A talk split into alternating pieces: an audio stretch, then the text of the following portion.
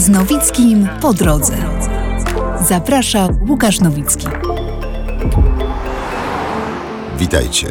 Minęły trzy miesiące od zakończenia pierwszego sezonu podcastu z Nowickim po drodze. Wiem, to długo, za długo, ale na swoje usprawiedliwienie mam tylko błogie lenistwo, chęć poznawania świata i poszukiwanie inspiracji. Przynajmniej troje gości w drugim sezonie to osoby poznane w trakcie podróży, więc chyba było warto. Dziękuję za pozytywne komentarze, głosy akceptacji i wsparcia. Dziękuję też za te negatywne, bo jeśli stoi za nimi życzliwość, to są naprawdę na wagę złota. Zaczynamy krótkim odcinkiem podsumowującym pierwszą serię, tak na rozgrzewkę, którą przy mojej niewielkiej pomocy zmontował Wojtek Hołaściński. Dziękuję Wojtku. A już za dwa tygodnie pierwsze premierowe spotkanie. Przyznaję, dla mnie niełatwe, ale nie będę zdradzał szczegółów. Witamy też w drodze w kamperze Martę Woźniak, która będzie wspierała mnie w poszukiwaniu dla Was ciekawych rozmówców. Co tam będzie? Ona już to robi. A za pierwszy sezon bardzo dziękuję Basi Dziedzic. Basia przez ogrom pracy musiała zrezygnować ze współtworzenia tego podcastu, co nie zmienia faktu, że jest jego chrzestną matką i nic tego nie zmieni. Dziękuję Basiu. Kochani, czas już zakończyć ten wstęp. Posłuchajcie fragmentów rozmów z 11 gośćmi pierwszej serii. Mam nadzieję, że dalej będzie nam ze sobą po drodze. Lotnictwo przez wiele lat, lata 50., 60., było całkowicie niedostępne dla szerokiej publiczności, jak to się mówi. Było elitarne ze względu na to, że samolot miał 60 foteli, więc cena na fotel i cena usługi była dostępna dla ludzi o bardzo wysokich dochodach. To jest trochę tak, jakbyś miał lotnictwo, które by latało dzisiaj tylko tą klasą pierwszą, nie biznes. Concorde po prostu. Tak, no Concorde to w ogóle był wyjątek, bo w Concordzie to, to wiesz, no 10 tysięcy dolarów kosztował bilet dwie strony, tak? E, Ale to, y, zostawmy, bo Concorde jest w ogóle, to jest inna bajka. To jest trochę tak, jakbyś założył, że w latach 50 to tylko latał sam przód tej kabiny, czyli ta, ta first klasa, tak? Czyli ty, dzisiaj jest 8-10 foteli takich, tak? No to wtedy to były ty, tylko takie Rozumiem. samoloty.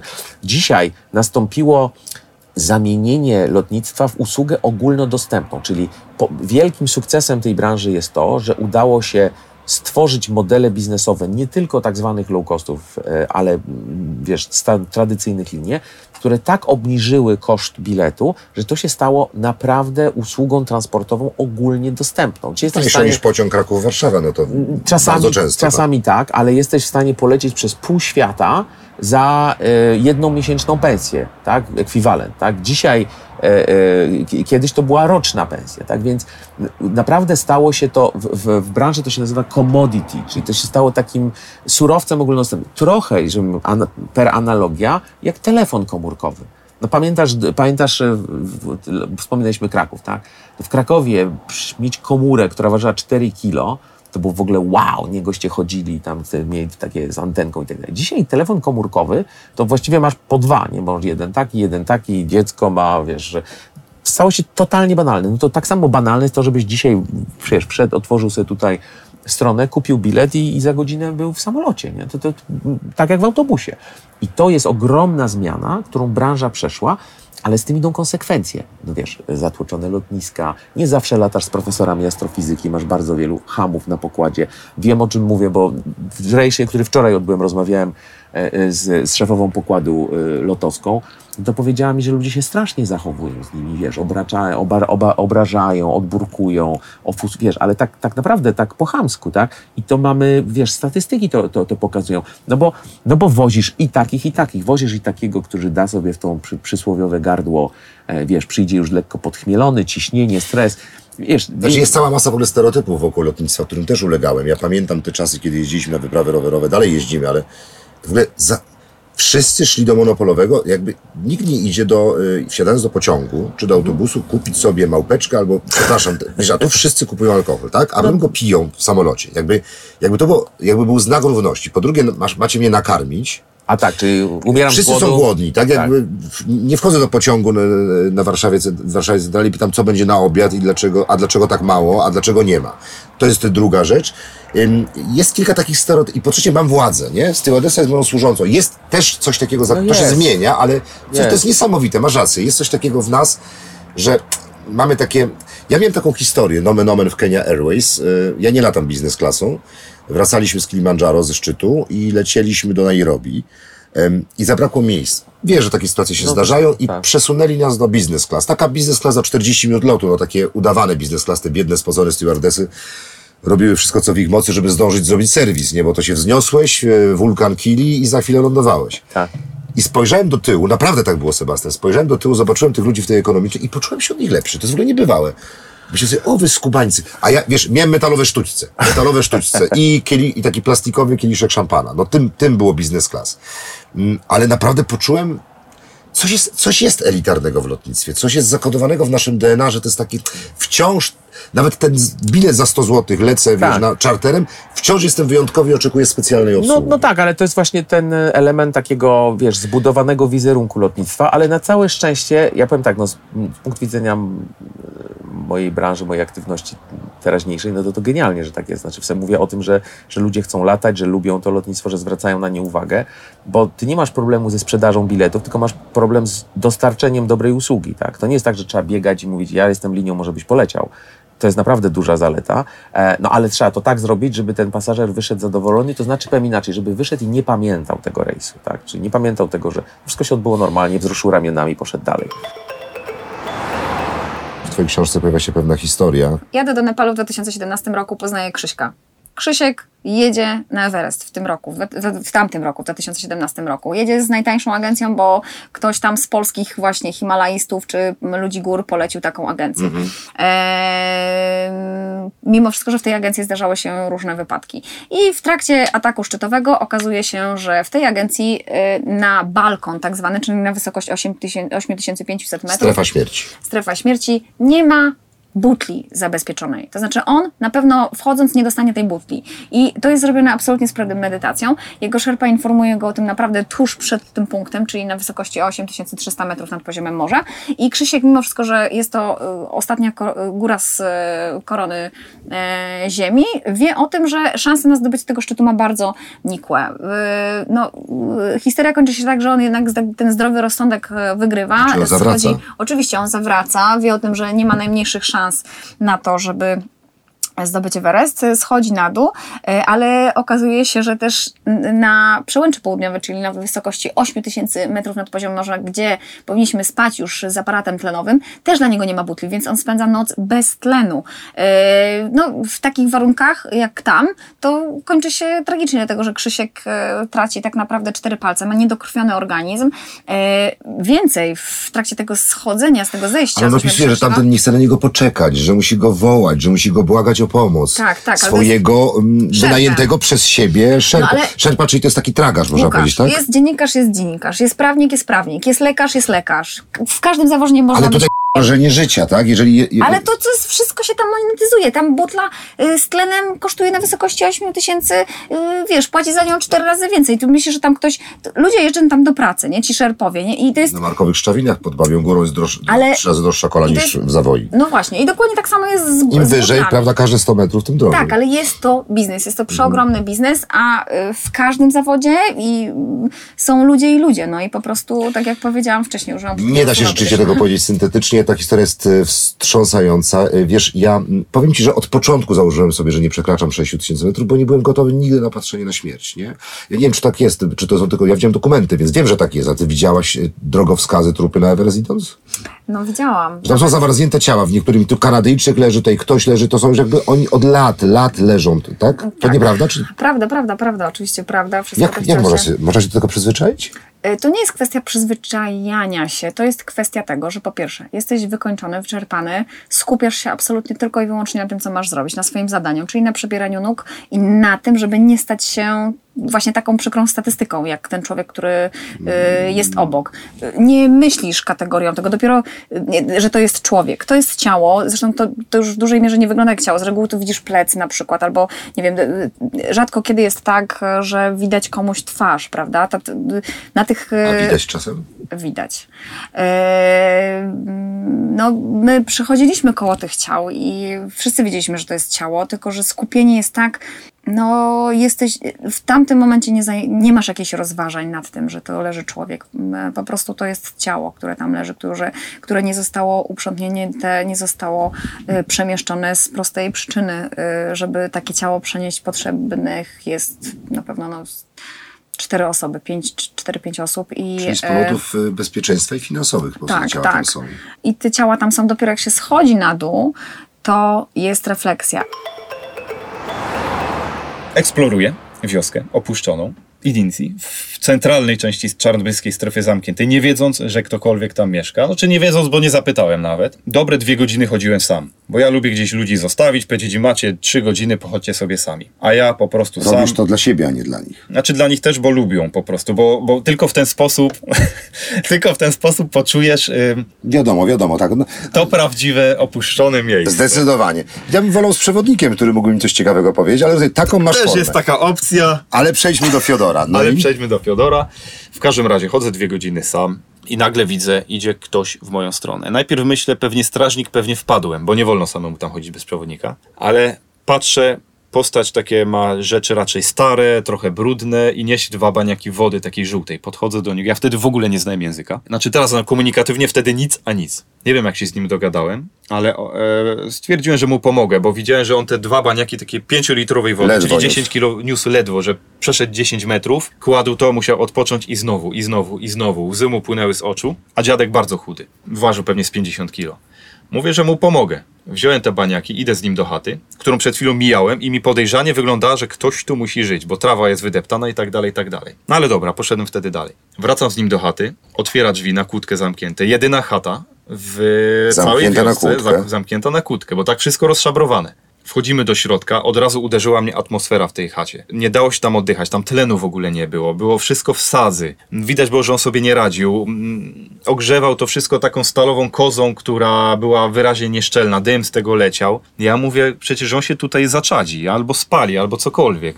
No ale nie byłem przygotowany, ja już musiałem wracać, bo ludzie na mnie czekali. Mówię do niego, dobra, za dwa tygodnie mam być znowu w Czarnobylu, przyjadę specjalnie do jego wioski, a z miasta Czarnobyl do jego wioski jedzie się dobre 40 minut, czyli tam są odległości. Ale mówię, przyjadę specjalnie i pomogę. W sensie, że, bo widziałem jak jest wychudzony, pewnie żywności też nie ma. Pytam, co mu pomóc, co mu przywieźć. On tylko stwierdził, że herbatę, że e, cukier na herbatę. No mówię, nieduże wymagania, ale da się zrobić, tak? Wracam dwa tygodnie później, już ludzi nakręciłem, żebyśmy do tej wioski jechali, bo takiego dziadka e, spotkałem, że mu trzeba pomóc. Ludzie się nakręcili, zaczęli się zrzucać wszyscy pieniądze, żeby mu zrobić duże zakupy, żeby po prostu to, to na jakiś czas starczyło, a nie tylko na dzień, dwa. Idziemy z wielkimi takimi tobołami, Oczywiście dużo więcej niż tylko cukier, a tego cukru to też kilogramy. I tak mnie ludzie pytają, gdzie ta chata, nie? Już powinna być. Tam jest taki wysoki płot drewniany. Mówię, no za tym płotem powinna być, ale już tak mówię, coś jest nie tak, bo nie widzę dachu. A czuć spaleniznę. Przychodzę, patrzę przez płot, mówię, o kurde, nie ma chaty. Jest tylko pogorzelisko. Wchodzę na posesję, e, staję przed tą chatą, nawet ktoś mi wtedy zdjęcie takie zrobi, jak stoję po prostu i patrzę się w to i, i tak osłupiałem, no bo aż mnie teraz ciarki przechodzą, jak o tym myślę, no bo ja nigdy w takiej sytuacji nie wiem, co ja mam zrobić. Znałem człowieka, miałem wrażenie, że się spalił i się spalił. I co, co- ja mam teraz zrobić? Szukać jego zwłok, czy, czy, czy co zrobić? No ale ktoś nagle krzyczy, a i z tego pogorzeliska widzę tylko wystającą tą kozę, wystającą e, sprawcę tego pożaru. No i ktoś krzyczy, tutaj jest. Obracam się, chata sąsiadów za płotem. Technicznie chata cała, dach jest, ściany są, okna są. Podeszliśmy, okazało się, że on się tam skrył po prostu. Chata totalnie pusta, bo stamtąd ludzi wywieziono, rodzina zabrała, więc zabrali nawet szafy. Nie było nic. Totalnie pusta, no ale był piec, mógł sobie rozpalić suche drewno i, i się ogrzać chociaż. Tutaj dodajmy, że była to połowa listopada, druga połowa, czyli było zimno. Ale No, jeszcze nie ekstremalnie zimno. jeszcze nie, ale y, no, noce nie były e, już na tyle ciepłe, żeby nocować na zewnątrz. I były deszcze. Więc już były warunki, które no, mogły go, by go po prostu doprowadzić do grobu. Rozmawiamy z nim, okazało się, że do pożaru doszło kilka dni wcześniej i, nik- i, i nikogo nie było. Przecież jak płonie dom, no to ogień jest potężny, to widać z całego miasta. Tam nie przyjechał nikt. Czyli no, świadczy to o tym, jak duży to jest obszar. Nikt tego nie widział. Byliśmy po... Albo znieczulica. Albo z Nieczulica. Po dwóch, trzech dniach przyjechaliśmy jako pierwsi. Przeżyłby, gdybyście tam nie przyjechali? Sądzę, że nie. Był jeszcze bardziej wychudzony, naprawdę same kości. Stwierdził, bo on i tak mało jadł, bo i tak miał mało, a teraz to już w ogóle nie jadł. On stwierdził, że żywił się jakimiś tam gnijącymi jabłkami po lecie. Mówię, był listopad. I orzechami, które gdzieś tam jeszcze znajdował. No, ile tych orzechów zje? Ty miałeś kanarka.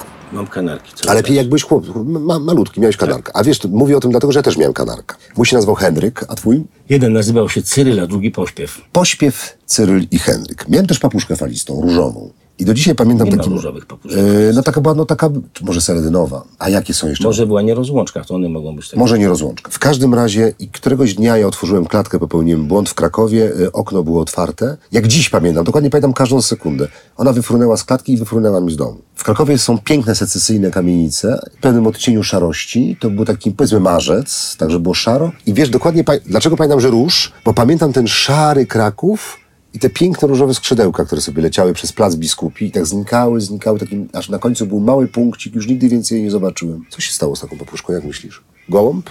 Mogła przeżyć. Yy, Bo mówi się, że, że nasze ptaki zabijają takie egzotyczne ptaki. Wcale niekoniecznie, bo sam widziałem, jak Żako leciała i jastrząb yy, leciał za nią i nie wiedział, co ma z nią zrobić. Nie miał odwagi zaatakować, bo w ogóle nie rozumiał tego stwora. Poza tym, sam kiedyś, jak budowałem dom tutaj pod Warszawą, to było stado wróbli, to była taka bardziej otwarta przestrzeń, bo w tej chwili tu już... Już nie ma wróbli przede wszystkim. Są, ale... yy, Gdzie są? Ja nie widziałem wróbla od kilku tygodni. No to zaraz możemy się przejść tu po zoo. A u mnie to... to, w zoo są, ale- ale nie- Nie, w ogródku mam ciągle stado wróbli. To Ale przyznasz, że jest mniej. Ale jest już mniej. Nie, nie, Już nie? nie? Był, tak, było takie potknięcie w dużych miastach. Okej. Wróbel jest ptakiem wiejskim.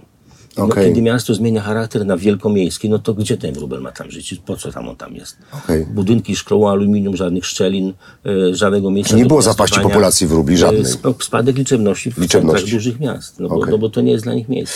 Wracając do tej papuszki, mogła przeżyć, bo y, co, gołębie nie wiedziały, co to jest? Gołębie nie będą go ją prześladować. Jej prześladować. Gołębie raczej będą obojętne wobec takiego ptaka, natomiast wróble są niebezpieczne, niebezpieczne dla takiej papuszki. I one mogą rzeczywiście napaść. Poza tym wrony, yy, to, to, to są zagrożenia. Sroka. A tutaj właśnie budowałem dom i zaintrygowało mnie to, że było stado wróbli i w tym stadzie była papuszka falista, zielona. Więc yy, poobserwowałem ją yy, Ile żyją papugi? do śmierci. Nie, jak długo żyją? No do śmierci. Ale 20 lat, 30? No, mogą. Mogą, mogą. to- to nie- to nie mogła być moja. To nie mogła to jest być moja. pytanie bardzo, to była zielona, E, ale to jest pytanie bardzo ogólne, jak długo żyje jakieś, jakieś stworzenie, bo ja to zwykle odpowiadam, a ile, jak długo żyje człowiek? No do 100 lat powiedzmy, no, mniej więcej, W, Pa- tak. w Pakistanie, 120 maksimum. Burkina Faso, Yy, W Ouagadougou krótko, no tam się żyje 40-35 lat, bo jest taka bieda i właściwie W prawie nikt nie przeżywa tego czasu. W Nepalu nie wiem. więc y, oczywiście mężczyzna czy kobieta palący czy z gruźlicą, jak zaczniemy to wyliczać, to nie wiemy, jak długo żyje człowiek. Ale możemy założyć, że psy żyją pomiędzy 10, 17, 14 do To 20 zależy od rasy. Tak. Krótko mówiąc, z tą papuszką była taka, historia, była taka historia, że e, latała sobie z wróblami. No i stwierdziłem, że z- złowię tą papuszkę. Teraz przez lornetkę rozpoznałem, że to samiec, więc zrobiłem klatkę z gumkami, z sapatkami i w środku była klatka z samiczką. Zameldował się natychmiast. Po prostu rozpoznał przedstawiciela swojego gatunku, nawiązał z nią kontakt, przyszedł, tam było tak sprytnie zrobione, że usiadł na pewnym patyczku, to się zwalniała, zwalniały się drzwiczki, które były na gumce, pyk, zamknięty, no i trzymałem go z tą samiczką w klatce. On nie był szczęśliwy, a poza tym ja też nie byłem szczęśliwy, bo on ćwierkał jak wróbel. Po prostu ćwierkał jak wróbel, było to męczące. Oddałem mi jego Ja lubię ćwierkanie wróbli. No tak, ale on to robił od świtu do zmierzchu i nic więcej. I, I ta samiczka, znaczy z tą samiczką nawet nie miał nigdy dzieci. Oddałem ją komuś znajomemu i też mówił, że właśnie w ogóle nie doczekał się od niego potomstwa. I że ćwierkał do końca życia jak wróbel. Więc mogła taka papuszka, jeżeli uciekła, mogła przeżyć. Pamiętasz, jak wylądowałeś w Sierra Leone? Tak, tak, to był dla mnie, y, szokujący dla mnie był ten moment, ponieważ y, tam z lotniska do miasta leci się helikopterem, które obsługują, y, ONZ obsługuje na rosyjskich śmigłowcach. To takie dla mnie było trochę, dolecimy, nie dolecimy. Z lotniska do miasta? Tak, tak. Le, To jest tak daleko? Nie, chodzi o bezpieczeństwo, bo tu wieczorem się wylądowało. A nie możesz przejechać samochodem? Nie, nie, nie. Nie przejedziesz samochodem wieczorem, no bo możesz po prostu nie dojechać, bo cię zatrzymają bandy, bo coś się stanie i tak dalej, i tak dalej. Ile to jest kilometrów? No mniej 15 więcej. minut śmigłowcem, no to będzie ile? 30 kilometrów, 40, tak. Wylądowaliśmy w tym Sierra wieczorem i wychodzimy, już tam bagaż y, wyszedł, b- został nam przekazany i zanim doszedłem do, do osób z, od nas, z UNICEF-u, którzy na nas czekali, zacząłem całą grupę ludzi, która się rzuca na bagaże y, pasażerów, żeby im pomóc nieść tragarze. I ja nagle w pewnym momencie widzę, że to są osoby, które albo mają poucinane kończyny, czyli ta słynna historia niestety, krótki, długi rękaw, nie mają dłoni, albo są od łokcia mm, w dół, mają ucięte kończyny. I to są ofiary tej potwornej wojny.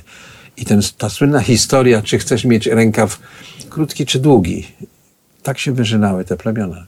Ale to w skali e, tysięcy, dziesiątek tysięcy Tak, ludzi? Tak, przecież to są... I To to, Sierra Leone jest krajem kalek w tej chwili?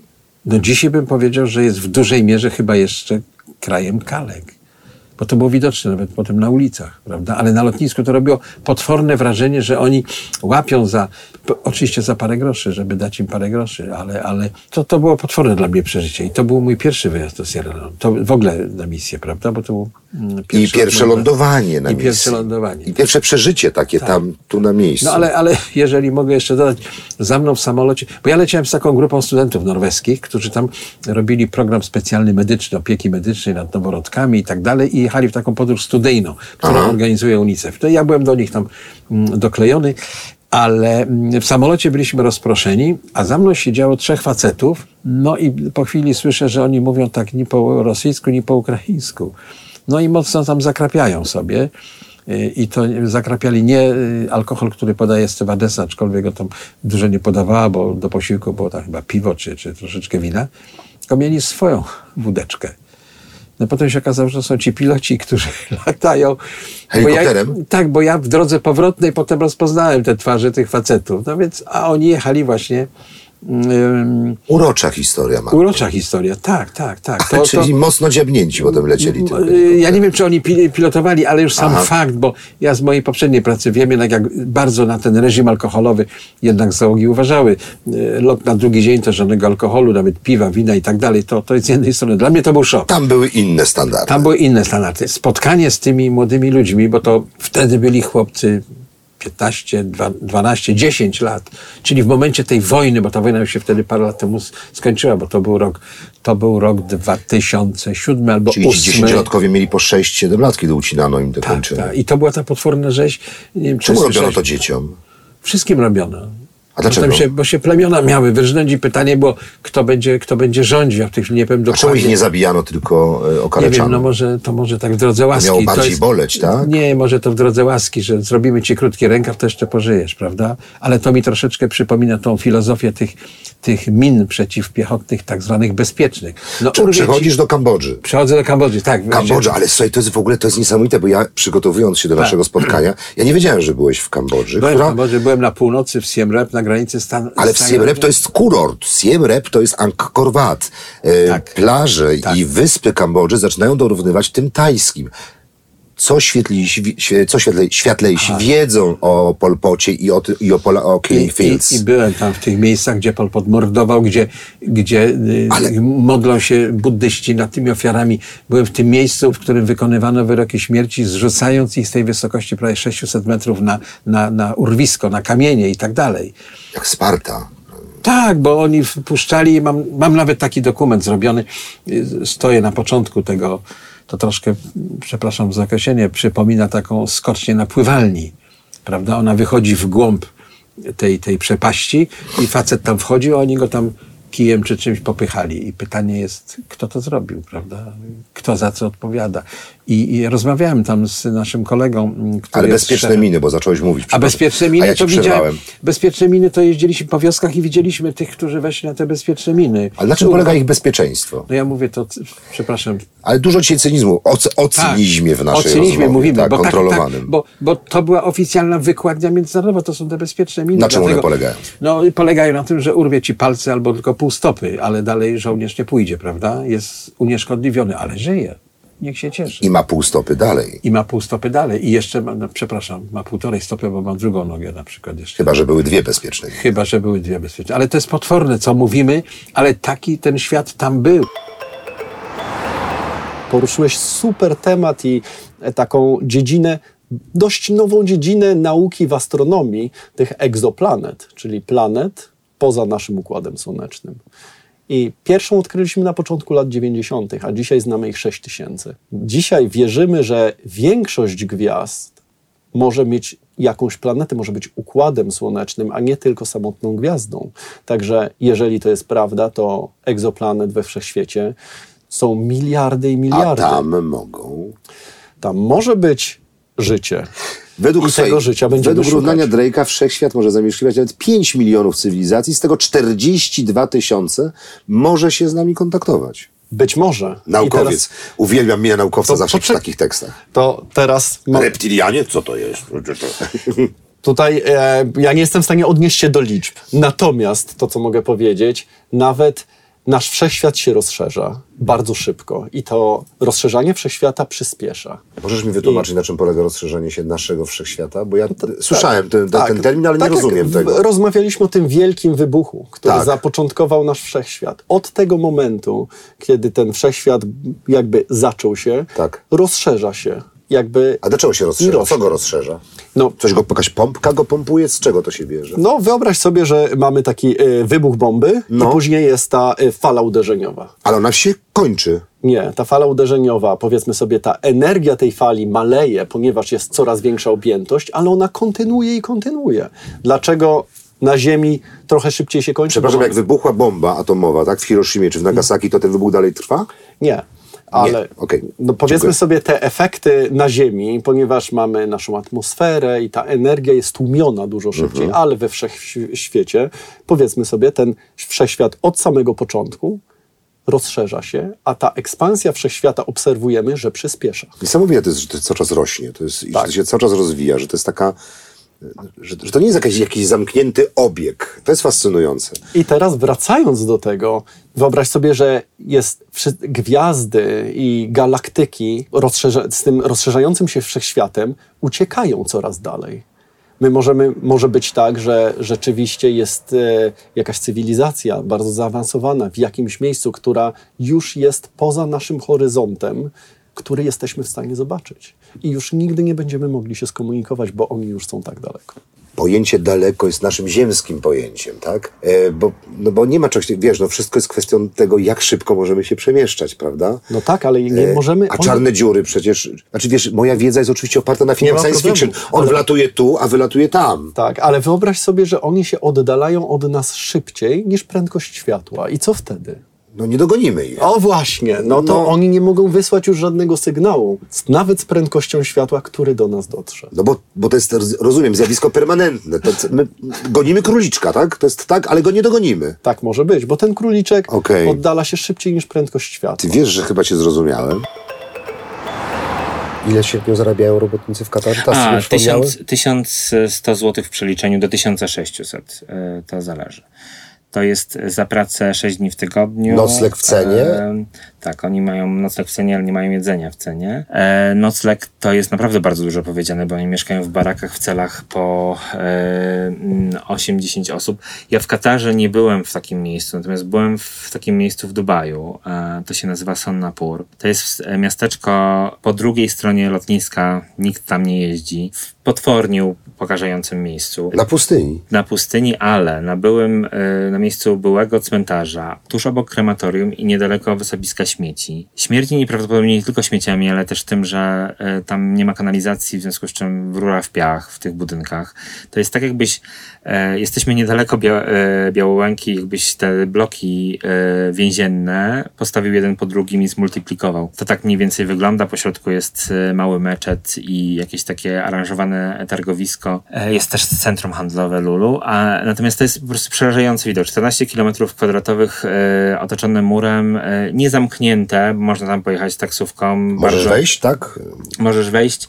E, słyszałem takie historie, że tam ludzi przepytują, dlaczego tu przyjechali, ale jak przyjedziesz taksówką e, dubajską, to raczej nie ma większego problemu. No to jest przerażający widok. Można zobaczyć, jak ci ludzie tak, e, tak naprawdę żyją. E, żyją jak totalnie więźniowie. Więc takie kwoty za trzyletni kontrakt, za Przerażające. mm, bycie z dala od domu, za ciągłe ryzyko, bo oni ryzykują bez przerwy udarem słonecznym. Nie mają, to BHP jest przerażająco kiepskie, ale mogą też stracić życie. Do takich sytuacji dochodzi y, w, nawet w miejscach, w których y, żyją, bo była taka historia na przykład w Dubaju, gdzie y, deszcz zalał jeden z budynków, a tam była taka ym, tak kiepsko zrobiona y, elektryka, że poraziło kilku mężczyzn prądem i zginęli w czasie snu. W związku z czym, no przerażające warunki. I Dubaj oczywiście... I to się dzieje, to się odbywa Tak. i tego nikt nie ukrywa, możesz tam wjechać. Mm, Oni to bardzo ukrywają. nie natomiast bardzo, mówisz, w że- sensie, no, bardzo ukrywają, bo, bo ludzie nie wiedzą o Singapuru. Natomiast Ale co, odwracają wzrok? Tak. To nie jest problem, żeby się Słuchaj, ja jak dowiedzieć. napisałem o tym w książce, to napisało do mnie kilka pań, które y, były oburzone tym, że ja szkaluję Dubaj. E, ja im mogłem tylko i wyłącznie polecić, żeby tam pojechały i, i, i tyle, bo tyle mogę zrobić. Okej. Ja wcale nie szkaluję Dubaju, ponieważ ja uważam, że Dubaj jest niesamowitym miejscem do odwiedzenia i bardzo polecam. Tylko warto wiedzieć, Drugą stronę poznać. tak, poznać drugą drugą twarz stronę, wiedzieć Dubaju. więcej. Muszę ci opowiedzieć, bo to Dawaj. jest świetne. To jest historia, którą bardzo lubię, bo pamiętam, że kiedyś tam przyjechaliśmy do jakiejś wsi z takim kolegą i on coś strasznie z taką jedną kobietą zaczął się tu śmiać, coś żartować. Ja tak mówię do wtedy jeszcze mojego niemęża, mówię, słuchaj, a to tam Surua z Kebą to się znają? To, to oni się znali wcześniej? A on mówi, nie, ale oni mają joking relationship, czyli taki... e, No jakby to przetłumaczyć, no żart, żar, Relacje żar, oparte na relacje żartach. opartą na żartach, tak. No więc ja joking relationship, co to w ogóle jest? No więc mąż mi wytłumaczył, że słuchaj, no bo to było tak. Jak tam dawno, dawno temu była wojna. I tutaj najpierw jeździło tu, to plemię napadało na to. No to mężczyźni ginęli, kobiety płakały. y, Te, no to potem tamci zbierali siły, to napadali na tych. No to znowu to samo, a tu głód, a tu w polu nie można było robić. No więc w końcu, jak tak się bili, bili, no to usiedli, zaczęli ze sobą rozmawiać i mówią tak, słuchajcie, no co no właśnie, to tak, tak się bijemy w jedną, w drugą, no tu potem dzieci osierocone, kobiety płaczą, w polu nie, tutaj źle, nie ma co jeść, wszystko, to może jakoś by to inaczej rozwiązać. No i to rozwiązanie to jest właśnie ten joking relationship i to jest coś niesamowitego, to tak, to jest na przykład między miastami. Czyli jak my mieszkamy w tam w okolicach Gunjur, e, a mój mąż jest z Sukuty, to oni właśnie te dwa miasta ze sobą mają to joking relationship. Czyli tam z siebie właśnie, no jak to się u nas popularnie mówi, ciągną łacha, tak? Czyli, że nie wiem, żartują, że a, tak, bo on to jest, tak, ci tam z Sukuty, to oni są tacy głupi, wiesz, on tutaj... Ale z serdecznością czy tak, złośliwością? nie, nie, nie, absolutnie to jest z serdecznością. Serdeczne. Natomiast jest dozwolony pewien y, y, poziom tej złośliwości, y, tak? Czyli to mogą być żarty... Ale co to ma załatwić? Ma to ograniczyć agresję? Tak, dokładnie. Okej. Mało tego. Między miastami to jest jedna y, ta. Poza tym to są też relacje pomiędzy pewnymi nazwiskami, na przykład, że, czyli takie nazwisko, z tym nazwiskiem ten, oni też mają ten joking relationship, czyli ta keba z tym, z, znaczy ten keba z tą surułą, gdzie zaczęli tak się strasznie śmiać, bo jak przedstawili się sobie, poznali te nazwiska, to się okazało, że oni mają ten joking relationship i natychmiast zaczęli ze sobą żartować, czyli ona od razu powiedziała, a, ty jesteś Sisej, o, to pewnie zjesz całe nasze jedzenie, bo, yy, bo ja wiem, jacy wy jesteście łakomi. Na przykład, bo to też jest właśnie ciekawe, oni dużo o jedzeniu bardzo yy, Gambijczycy żartują. Jedzenie jest w ogóle bardzo dużą częścią kultury, więc i właśnie żartów. Yy, także, yy, no mówię, no taki... Czyli to mogłoby być rozwiązanie dla wielu Wielu, miejsc tak, w ogóle dla nie? całego świata Dla nawet całego mogło. świata. Więc ja pamiętam, przepraszam, jeszcze zakończę temat tak, e, że e, na przykład jak jak t- zmieniała się ta władza, ten Jame, tam właśnie już tam z, to głosowanie, tam no nie, już nie będę w szczegóły wnikać. I już tutaj, tu wojska nigeryjskie już podpływały, tu już u nas mówiono, że tu jakaś wojna będzie domowa tego. To mój mąż, Daddy, od razu mówi, słuchaj, jaka wojna domowa? Przecież my tutaj nie będziemy się, Gambijczycy to nie jest naród, który się będzie zabijał. Przecież to wszyscy mają ze sobą to joking relationship. Jak nie w plemieniu, to w wiosce, no to kto ma, to kto, to, kto, kto tu by miał z kim walczyć? I tak się stało. I tak się stało. Tak dla przykładu, jeżeli ja powiem, że mam 130 IQ, tak strzelam, nie? Bo to jest ten wynik graniczny. Będzie ile to masz? prawda. Nie no, nie powiem ci. No nie wypada. Ale powiedzmy, że mam 130, ale jak powiem, że mam 148, to też będzie prawda. Ja Tylko mam po- 75. Nie masz. Nie wierzę. E, ale o co... A ty powiedziałeś 130, e, ale- nie wierzę, ale- myślę, że 140. Ale, No dawaj. ale w jakiej skali? Wesslera. A niektóre z tych wyników są podawane w katelu, który ma wyższe... e, A, jak Fahrenheit i Celsjusz, tak? Ma, e, te, tak, ma inne odchylenie standardowe. Tu jest 15, tam jest bodajże 24, więc to się przelicza. I kiedyś usłyszałem takie, no ty mówisz, że masz tam IQ 156. Matko, a próg wejścia jest 130. M- O rany, ale ty jesteś geniuszem. No nie. Trzeba to przeliczyć najpierw, nie? Okej, czyli to nie muszą być... Ale patrz, ciekawostka. Amerykanie stosują jeszcze skalę Stanford Bineta bodajże. Ona, Też wyższa? E, Tak, ona jest też wyższa. Bardzo mi się podoba Bill Clinton 137, a Hillary 140. Ale prawie równo. Ona więcej, ale prawie równo.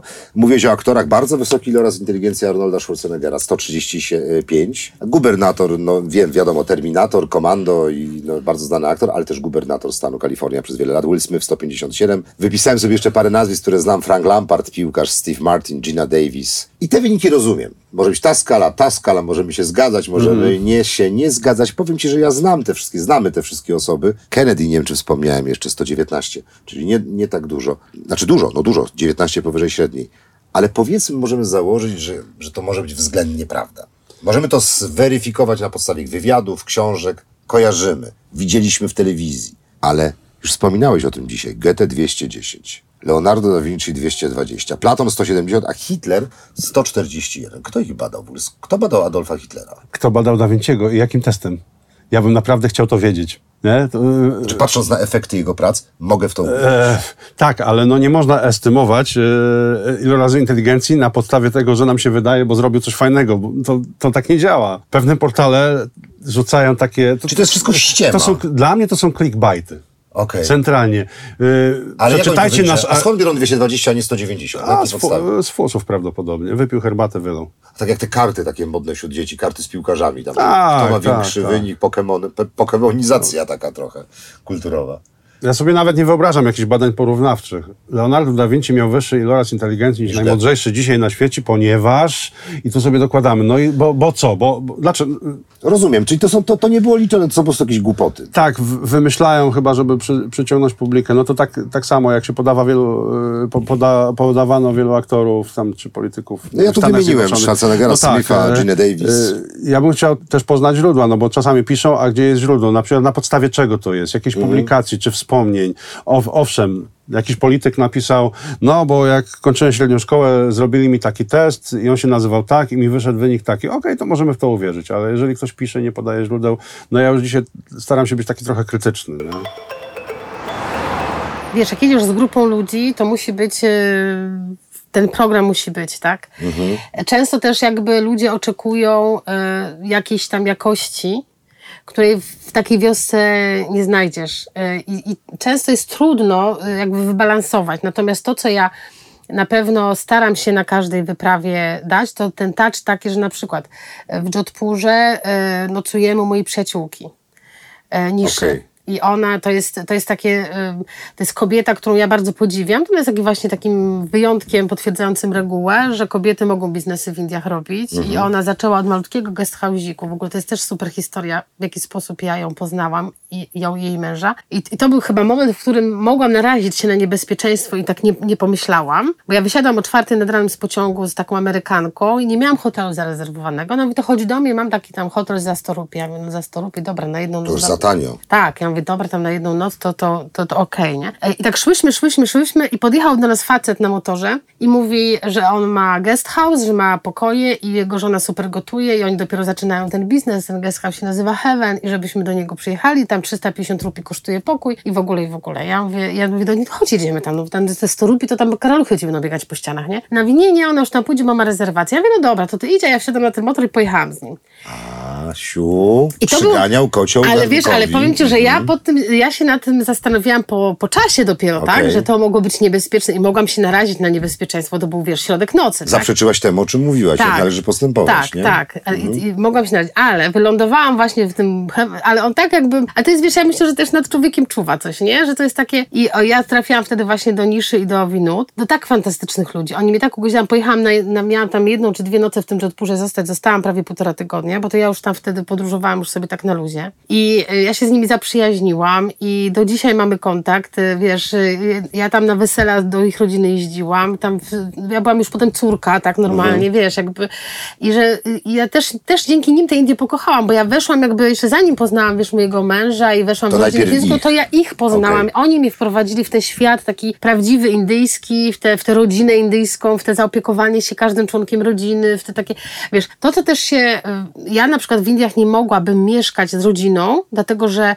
tam nie masz prywatności, tam nigdy nie jesteś sam. Wszystko jest wspólne? Wszystko jest wspólne. Jak ja na przykład z teściową, jak tam pojechałam na przykład i, i z teściową co te 10 miesięcy mieszkałam, ja miałam normalnie swój pokój na piętrze, tam mieszkanie w ogóle. I jak ja tam poszłam, na przykład chciałam książkę poczytać, to teściowa zadzwonić, że Anna, no nie siedź tam sama, no co ty tam sama siedzisz, no chodź tu do nas, posiedzimy razem. I my się siedziały razem, ja oglądałam na seriale, których w ogóle nic nie rozumiałam, bo były w Hindi, ale ona nie mogła zdzierżyć, że ja tam siedzę sama, tak? A ja po, po, po, po prostu po całym dniu, wiesz, no potrzebowałam tej chwili takiej, wiesz Też bym nie mógł. dla siebie, nie? A tam jest wszystko razem, nie? Więc to jest... e, I ja właśnie tam najpierw u Niszy i Winud weszłam w ten taki klimat indyjski, w te indyjskie takie właśnie życie z rodziną i dopiero później tam się potoczyły inne rzeczy, nie? Luty 2022 rok. Mm, Rozpoczyna się wojna na Ukrainie. Zostań neurologiem. Jesteś neurologiem teraz. W białym kitlu, wybitnym. Przychodzi do ciebie Jak inaczej. Przychodzi Putin do ciebie i ty masz zbadać jego mózg. O co w tym wszystkim chodzi? Zadaję ci pytanie jak dziecko, jak moja córeczka. o odtworzenie Związku Radzieckiego. Przecież y, to, co stało się za czasów Gorbaczowa, czyli zlikwidowanie Związku Radzieckiego, rozpad Związku Radzieckiego, rozbicie na, na republiki, które stały się samodzielnymi państwami, tak jak właśnie Ukraina, to bardzo Rosjan boli. Putin postanowił, że on odtworzy Związek Radziecki, odtworzy mocarstwo, które będzie największym mocarstwem, nie Stany Zjednoczone, tylko Rosja. Ale ta Rosja już odbudowana, która z powrotem wchłonie e, no przede wszystkim Ukrainę. Inne republiki, które stały się już samodzielnymi państwami.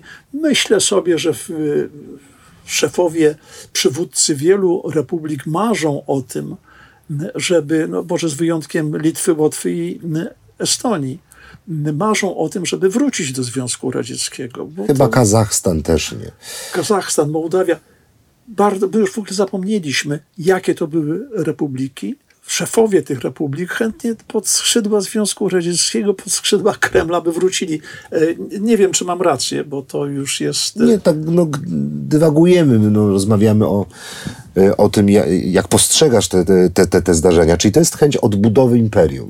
Odbudowy... Ale po co mu ta odbudowa? Przecież jest mężczyzną 70-letnim, nie dożyje tej, tej, tej odbudowy, mm, bo to przecież jest proces, który potrwa dziesiątki lat. Próbuje, próbuje wejść w jego głowę, nie? To Ale czy- wszędzie byłyby pomniki takie jak Lenina i Stalina. On chciał być im równy. Okej. To było w jego psychice, to było w jego głowie. On, Putin, Stalin, Lenin, proszę zauważyć, jakie to blisko siebie m, nazwiska.